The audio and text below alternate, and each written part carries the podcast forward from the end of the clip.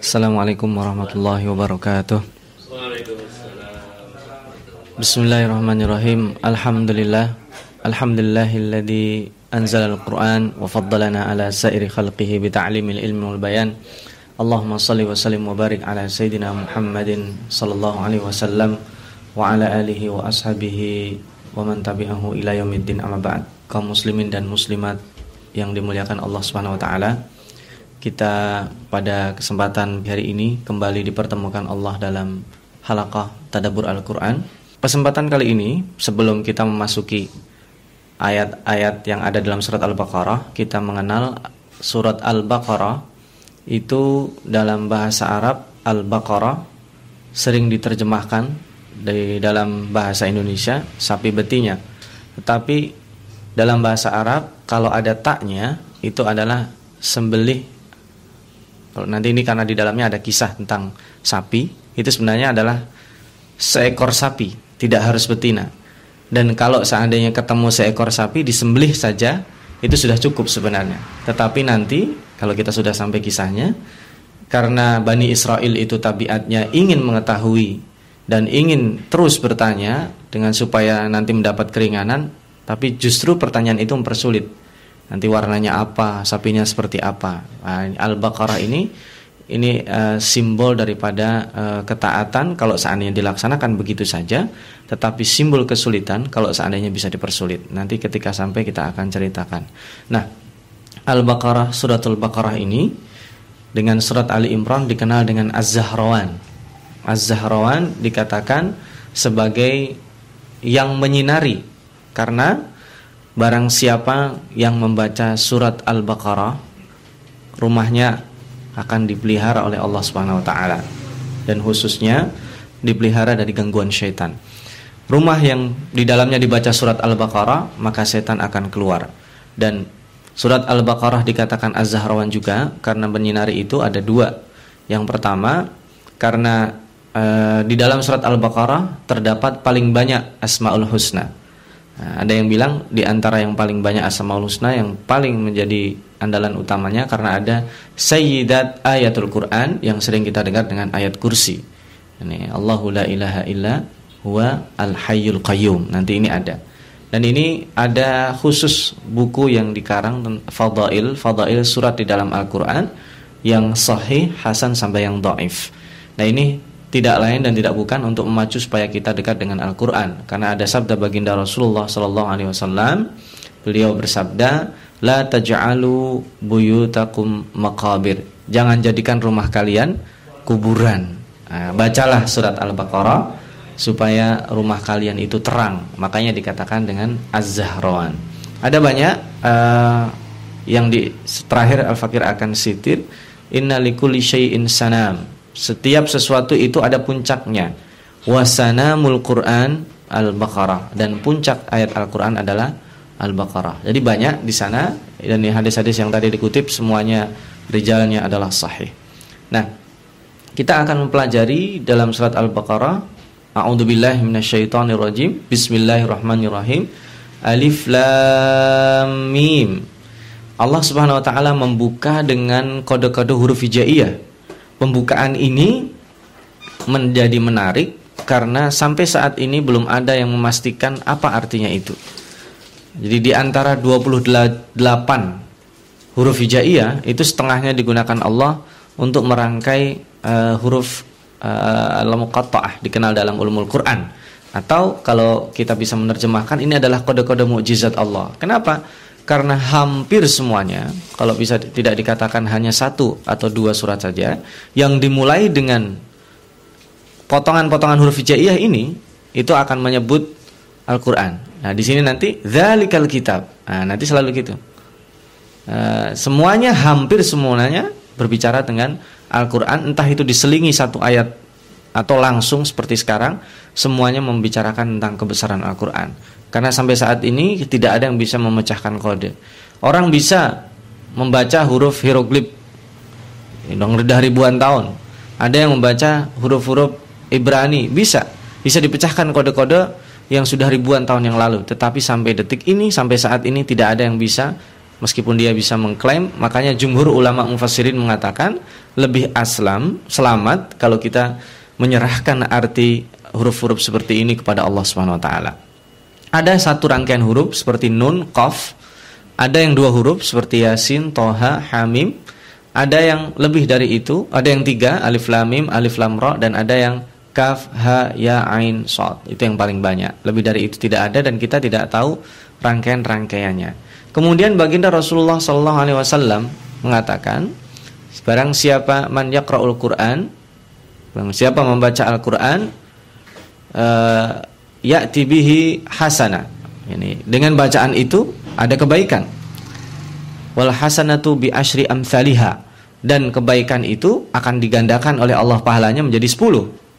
Fala aqulu alif lam mim harf. Saya tidak mengatakan alif lam mim itu harf, walakin alifun harf, walamun harf, wa mimun harf. Tapi alif itu dihitung satu huruf, lam dihitung satu huruf dan mim dihitung satu huruf. Nah, jadi kalau kita membaca alif lam mim itu sudah mendapatkan 30 janji Allah Subhanahu wa taala. Padahal imam-imam alusi juga beberapa orang yang lainnya mengatakan itu dihitung dari gerakan bibirnya. Kita ketika membaca al-mu'minun itu ada alif lamnya. Tapi ketika kita membaca alif lam mim itu tidak baca alam. Bukan tiga huruf itu. Itu sembilan kata Imam Alusi. Alifun itu sudah tiga. Lamun enam mimun sembilan. Maka Imam Alusi mengatakan dalam tafsirnya Ruhul Ma'ani itu alif lam mim mendapatkan sembilan huruf yang artinya berarti sembilan puluh kebaikan. Tetapi kita tidak menghitung itu karena itu adalah termasuk juga rahasia Allah Subhanahu wa taala. Nah, yang menarik adalah kata-kata berikutnya. Dzalikal kitabu la raiba Pada saat diturunkan ayat Al-Qur'an ini, Nabi Muhammad wasallam itu tidak bisa baca tulis. Dan jumhur ulama mengatakan sampai beliau meninggal juga tidak bisa baca tulis. Tapi kemudian kenapa diturunkan kepada beliau? Susunannya adalah dzalikal kitab. Itu adalah kitab. Kitab itu yang diketahui adalah kumpulan dari huruf-huruf yang dijilid dalam satu bentuk buku. Maka ini adalah bentuk mukjizat nanti suatu ketika Al-Qur'an akan dibukukan. Padahal di zaman baginda Rasulullah SAW jumhur ulama sepakat ya, ulama sepakat tidak ada Al-Qur'an itu dibukukan. Tetapi final Al-Qur'an itu ditulis di zaman baginda Rasulullah Shallallahu alaihi wasallam. Tidak dibukukan tapi sudah ditulis semuanya dan baru dibukukan pertama kali di zaman Abu Bakar As-Siddiq dan kemudian baru kita kenal e, disebarnya di fotokopi di zaman Utsman bin Affan yang dicetak belasan. Nah, dzalikal kitab, kitab ini adalah la raiba Tidak ada keraguan. Kenapa? Karena datangnya adalah dari Allah Subhanahu wa taala. Tidak ada keraguan sama sekali. Datangnya dari Allah dan ini adalah uh, satu-satunya kebenaran yang dijamin. Ini validitasnya tinggi dan makanya Al-Qur'an itu tidak bisa diajarkan selain dengan tatap muka. Al-Quran itu, mohon maaf, bukan tidak bisa diajarkan, tidak bisa diriwayatkan kecuali dengan tatap muka dan ketemu langsung. Sahabat itu ketika nantinya dikumpulkan dalam sebuah kitab, tidak bisa dia cukup ada tulisan ini saya tulis. Dia harus ada saksinya dan dia harus membacanya sesuai dengan ditulis atau tidak. Makanya nanti yang paling terkenal nama Al-Qur'an itu bukan Alkitab, ya, nah, bukan juga yang lain Az-Zikr, tetapi yang paling terkenal adalah Al-Qur'an. Kenapa? Sumiyal Qur'anu Qur'anan karena Al-Qur'an itu dari qara'a, masdarnya qara'a dibaca. Dan Al-Qur'an akan menjadi Al-Quran kalau kita baca. Sementara kitab itu tadi adalah salah satu sarana untuk menjaganya. Jadi tidak ada nanti yang bisa mengatakan bahwa yang menyusun ini betul Al-Quran itu dari dari Allah Subhanahu Wa Taala. Tapi yang menyusun ini itu Muhammad. Tidak juga. Karena kitab Zalikal Kitabul Raibafi itu order susunannya adalah dari Allah Subhanahu Wa Taala. Nah ini secara teknis eh, kita mungkin tidak akan memperpanjang itu. Nah La raiba fihi hudan lil muttaqin. Nah, diulang. Kalau kemarin kita sudah minta petunjuk yaitu petunjuk jalan orang yang engkau nikmati, berikan nikmat bukan sembarangan ya ghairul maghdub di sini hudan lil muttaqin. Yaitu petunjuk yang dikhususkan Allah atau hanya bisa dipakai oleh orang-orang yang bertakwa saja. Kenapa? orang ada peta Jakarta di rak-rak buku di perpustakaan atau di toko-toko buku. Semua orang berpotensi untuk menggunakan jalan itu, tetapi hanya orang yang mau dan punya kepentingan saja yang mengambil jalan itu. Makanya di sini Allah spesifik hudan lil muttaqin. Tidak dikatakan al-huda. Nanti yang terakhirnya juga hudan akan diulang di ayat kelima nanti kita closingnya. Itu hudan itu petunjuk yang sangat banyak lil muttaqin, yaitu yang akan diberikan kepada orang-orang yang bertakwa. Nah, kita uh, kunci kajian kita pada kesempatan kali ini adalah membingkai kata-kata takwa di dalam pembukaan surat Al-Baqarah. Kenapa? Allah tidak membuka misalnya hudan lil mukminin atau hudan linnas. Padahal Al-Qur'an itu juga hudan linnas tapi di sini spesifik.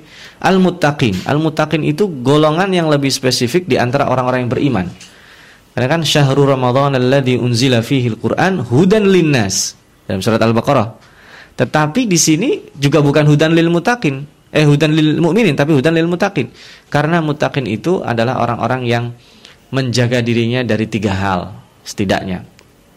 Jadi ada tiga hal yang dijaga. Yang paling tinggi dijaga dari api neraka, dia menjaga dirinya dari berbuat syirik. Itu yang paling besar.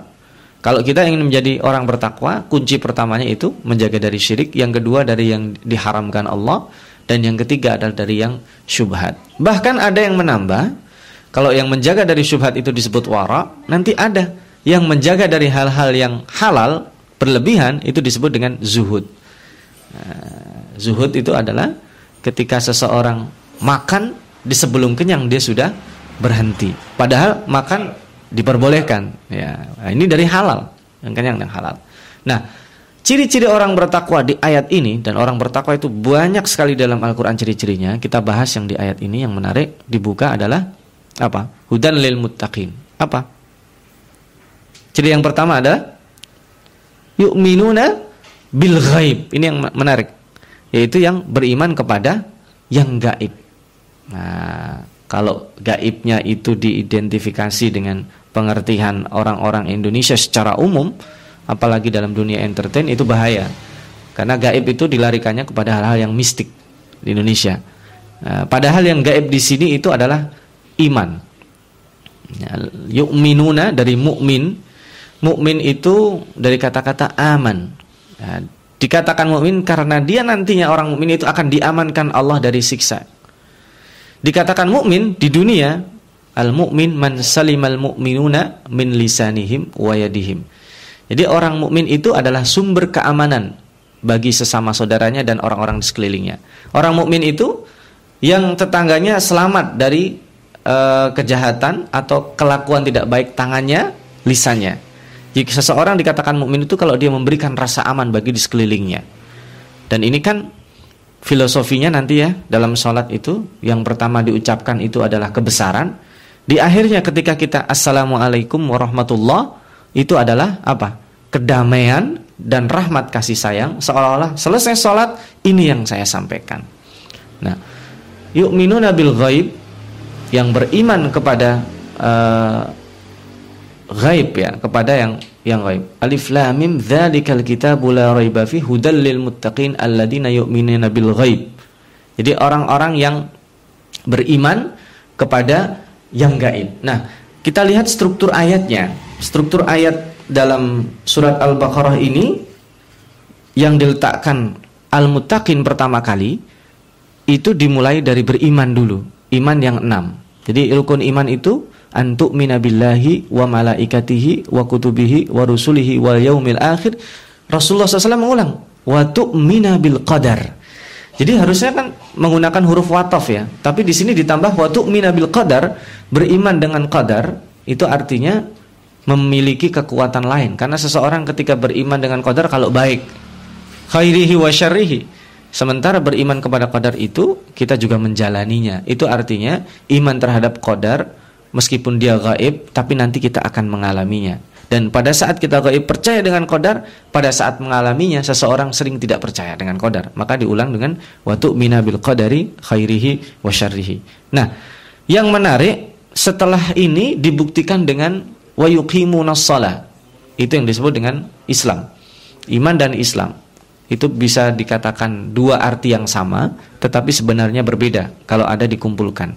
Kalau di tempat lain iman dan Islam itu disebar itu artinya sama. Beriman dan kemudian dibuktikan dengan amal.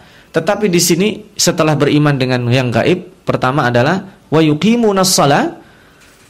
bahasa yang dipakai bukan uh, wa yaf'alunas atau juga bukan uh, melakukan sholat seperti biasa.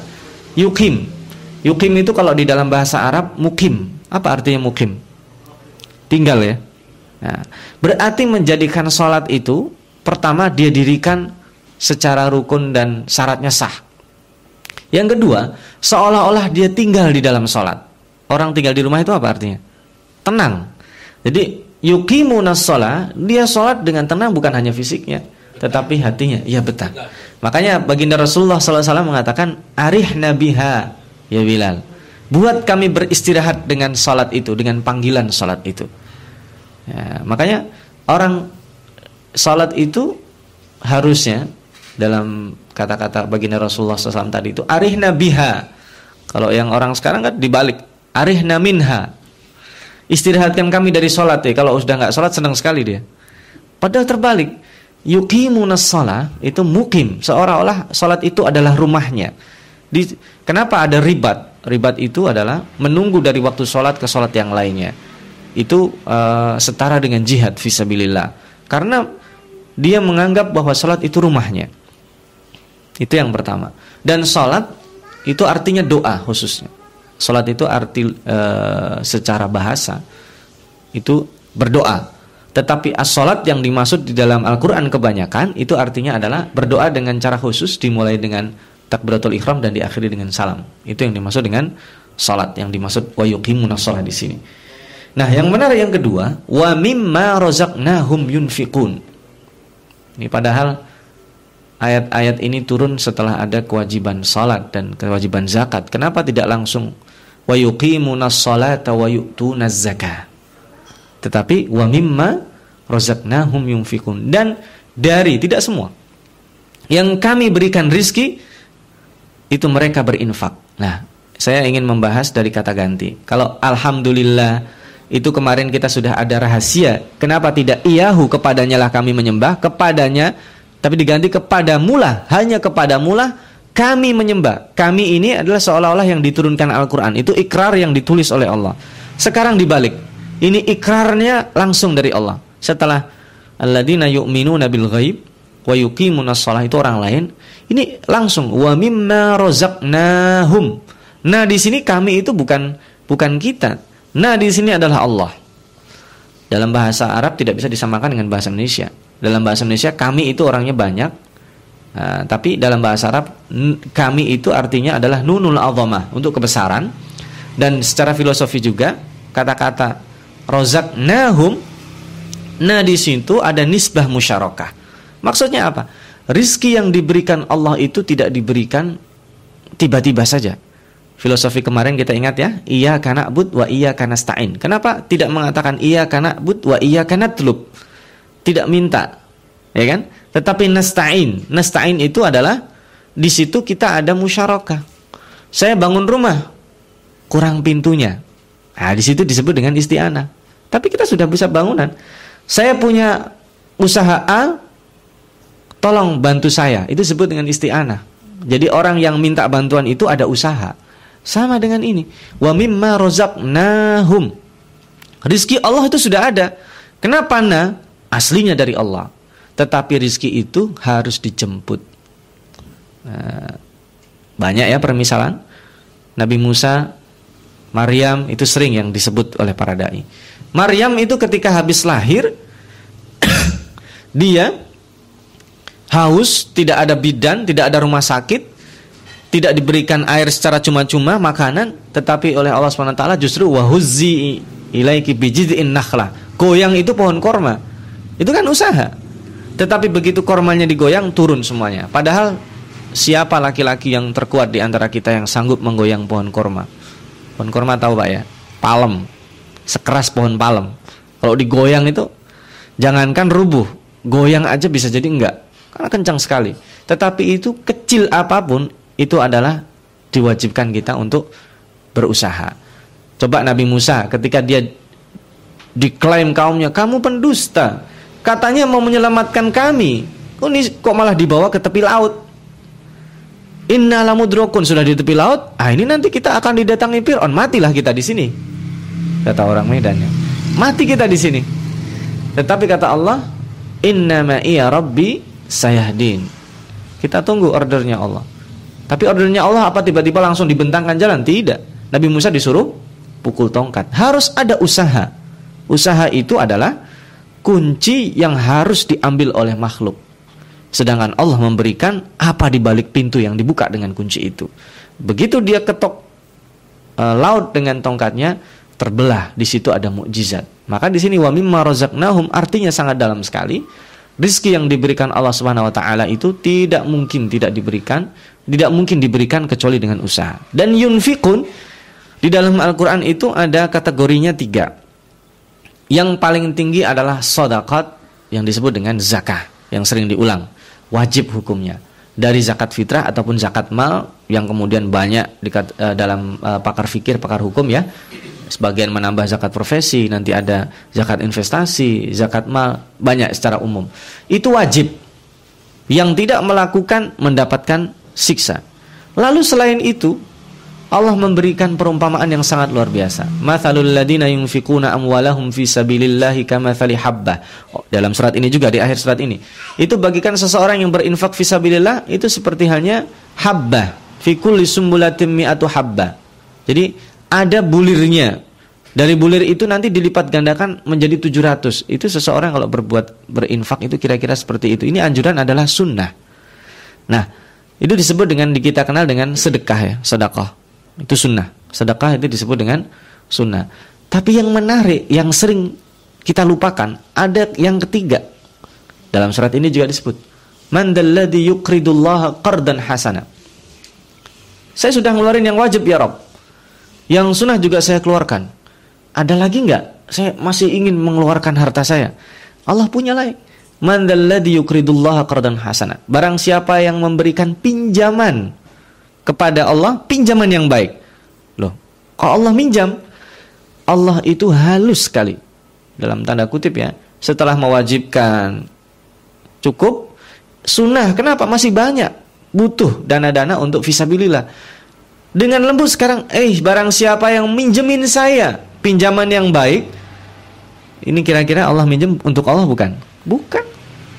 Memberikan pinjaman yang baik tetapi untuk kepentingan yang lainnya, lil fuqara, lil masakin, untuk visabilillah, maka akan dilipat gandakan Allah. Makanya di sini kira-kira rahasianya tidak diberikan kata-kata wahyu itu nazaka itu supaya tiga kategori yang ada di dalam Al-Qur'an itu masuk semua. Yang wajib, yang sunnah dan pinjaman itu.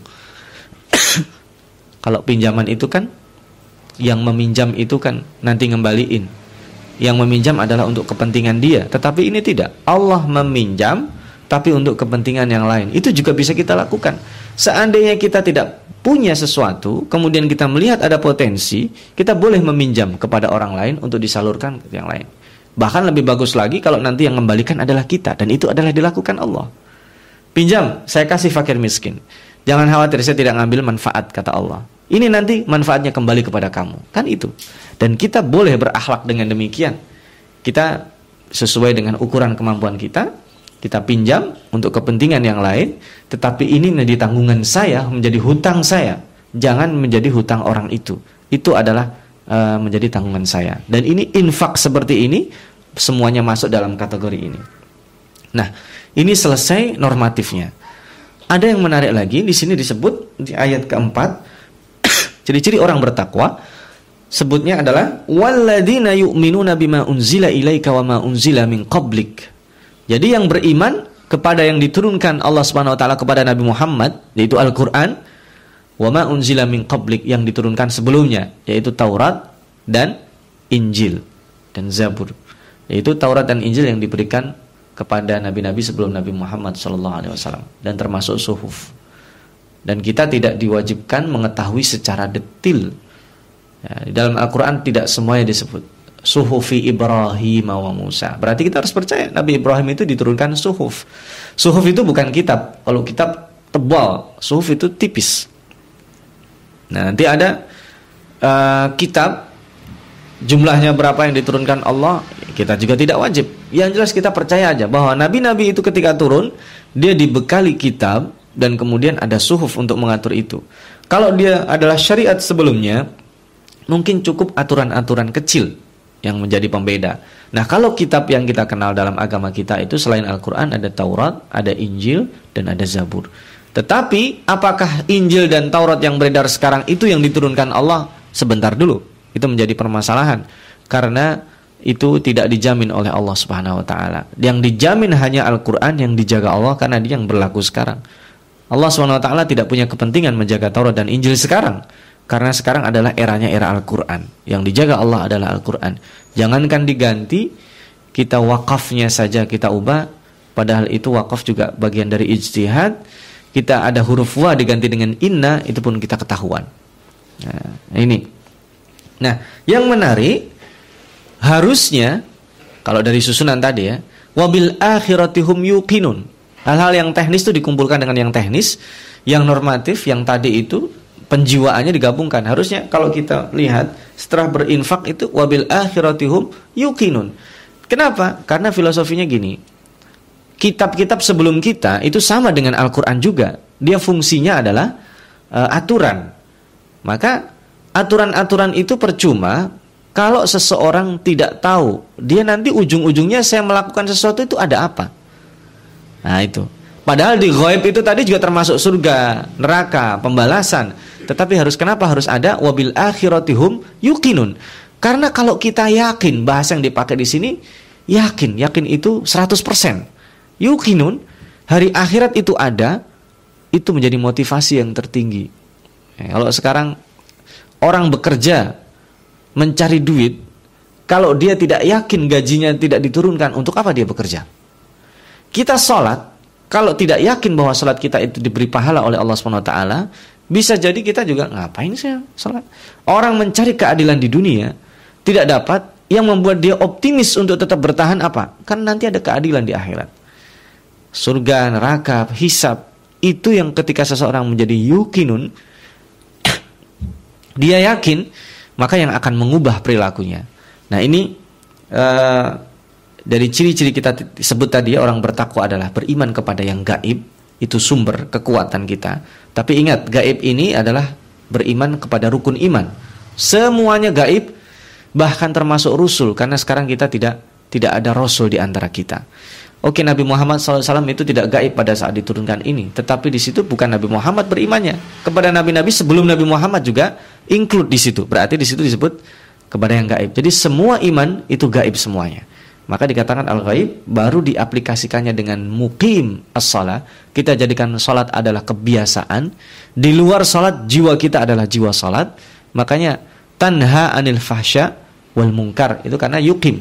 Dijadikan salat adalah uh, spiritnya perbuatan itu. Dan yang berikutnya harus ada kebaikan-kebaikan sosial. Wa mimma razaqnahum yunfiqun. Nah, kembali kepada aturan di closing dengan wabil akhiratihum yuqinun itu spirit yang tertinggi.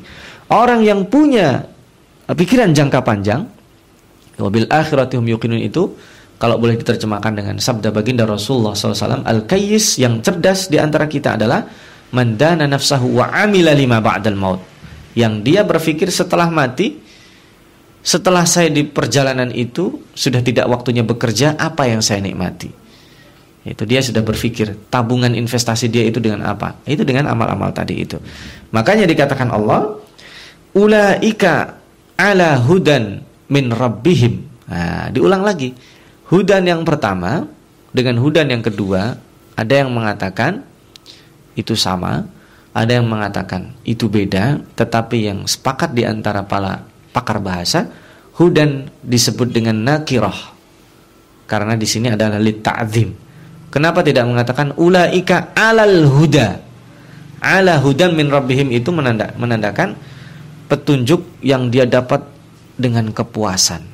Nah, orang kalau nyari alamat, kepuasan tertingginya apa Bapak-bapak dan Ibu? Kepuasan tertingginya adalah pada saat dia sampai di rumah itu sampai di alamat itu. Makanya nanti kalau kita sampai kepada ridha Allah itu adalah kepuasan yang tertinggi. Itu yang pertama, kenapa disebut bukan alal huda tapi ala hudan. Yang kedua, kenapa disebut ala? Ala itu di atas. Kebalikannya itu fi. Fi dolalin mubin. Nanti insya Allah kalau di waktunya ketemu kita akan bahas. Ala itu di tinggi. Orang yang ada berada di dalam trek petunjuk Allah, dia di atas. Seperti la ala khuluqin azim. La ala khuluqin azim. Kenapa tidak fi khuluqin azim?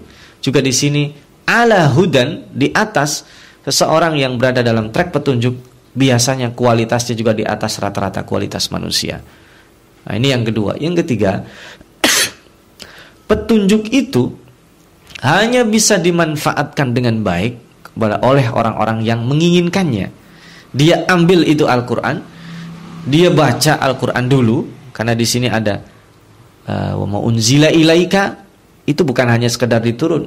Al-Qur'an ini manfaatnya bukan saya pegang, saya letakkan di dashboard kalau di mobil, saya letakkan di tempat yang khusus atau mulia jadi pajangan ketika di rumah jadikan jimat. Bukan. Dibaca.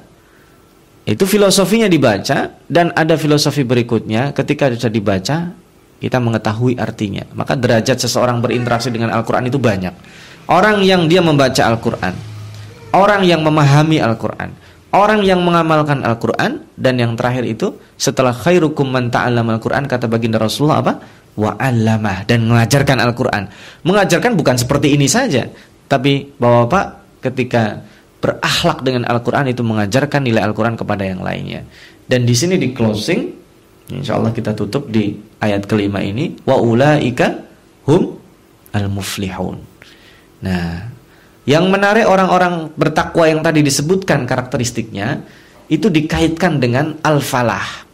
Itu sama di dalam setiap hari kita mendengar lima kali orang mengumandangkan takbir, yang mengundangkan azan, Kenapa?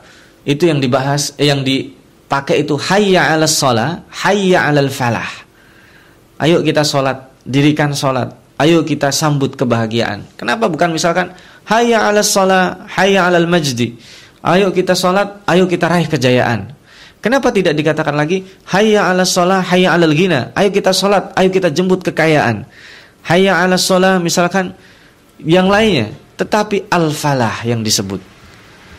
Karena di dalam Al-Quran Al-Falah itu spesifik Kebahagiaan yang sangat spesifik Qad aflahal mu'minun Jadi ulaika humul muflihun di sini maksudnya adalah setelah orang sampai kepada pintu surga dia buka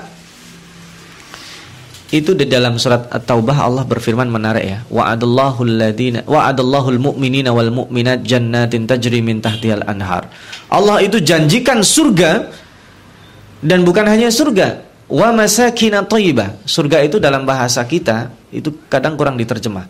Jannat itu taman. Artinya, taman yang sangat rindang yang orang itu suka berada di dalamnya. Nah, kalau orang dikasih taman aja nggak cukup. Harus ada wa masakina thayyibah. Tempat-tempat tinggal. Nah, orang kalau dilepasin di, tam di taman di kita dimakan nyamuk. Harus ada wa masakin. Jadi kita tinggal di surga itu gedung, rumah dan ada taman-tamannya tajri min tahtihal anhar itu ada sungai itu boleh nggak kita memvisualisasikan atau menghayal oh silahkan tidak ada masalah tidak ada yang melarang karena surga itu tidak bisa dibayangkan. Wa khatara ala qalbir basar. Wala ainun uh, wala udunun samiat. Uh, tidak juga di ainun ro'at tidak ada mata yang melihat. Tapi ini visualisasi ini diperbolehkan. Nah tapi kata Allah dalam surat uh, At-Taubah ini ayat 70 kalau tidak salah ya. Waridwanum minallahi akbar. Tetapi ridha Allah itu sahibul bait ridha saya punya villa seandainya saya punya villa di puncak ada pemandangan indah saya persilahkan bapak-bapak masuk senang ya tetapi waridwanum minallahi akbar yang lebih besar adalah ketika yang ketika dibuka pintu villa itu yang menyambut adalah sahibul bait yang menyambut itu yang punya rumah setelah itu dia katakan, ini kunci silahkan Bapak ambil, lakukan apa saja. Saya rela, anggap rumah sendiri. Dzalika huwal fauzul azim. Nah, itu disebut adalah kemenangan, disebut kebahagiaan yang hakiki nanti pada saat Allah itu ridho. Kita dikasih kunci surga, diantar malaikat mengantarkan kita pada pada suatu tempat itu, maka itu yang disebut wa ulaika humul muflihun. Itu kebahagiaan. Dan Ini kan sambungannya kemarin kita kan sambungan petunjuk yang kita cari itu apa? Yang kita cari ini al-fala, hayya 'alas shalah, hayya 'alal falah. Maka korelasi seseorang yang sholat dengan kebahagiaan itu tinggi sekali. Jangan dikatakan, "Oh enggak, saya punya tangga, dia sholat dari kecil sampai sekarang buktinya miskin aja terus." Susah aja hidupnya. Tidak ada korelasi antara sholat dengan dia dapat uang banyak, tetapi yang disebut adalah al-falah. Hayya 'alas shalah, hayya 'alal falah dia buktinya sholat dari kecil sampai sekarang tadi miskin ya, tetapi dia terus difitnah oleh orang. Tidak ada hubungannya dengan imunitas fitnah. Kebahagiaan itu adalah tempatnya di sini. Sebagaimana at-taqwa hahuna kata baginda Rasulullah, maka kebahagiaan juga berada di dalam hati kita. Hati itu di mana? Ini representasi di sini. Al-qalbu itu jantung, tetapi tidak tidak tahu kebahagiaan itu letaknya di mana. Maka wa ulaika humul muflihun kalau boleh kita closing di sini kebahagiaan tertinggi seseorang ketika berjumpa dengan Allah dan ketekatan adalah waridwanun minallahi akbar. Allah ridho terhadap yang kita lakukan. Nah, lima ayat ini sederhana dan setelah ini kita sudah berbicara dengan ayat yang lainnya, uh, kita akan menadaburi di pada yang berikutnya insya Allah yang berkaitan dengan uh, orang-orang kafir dan orang-orang munafik.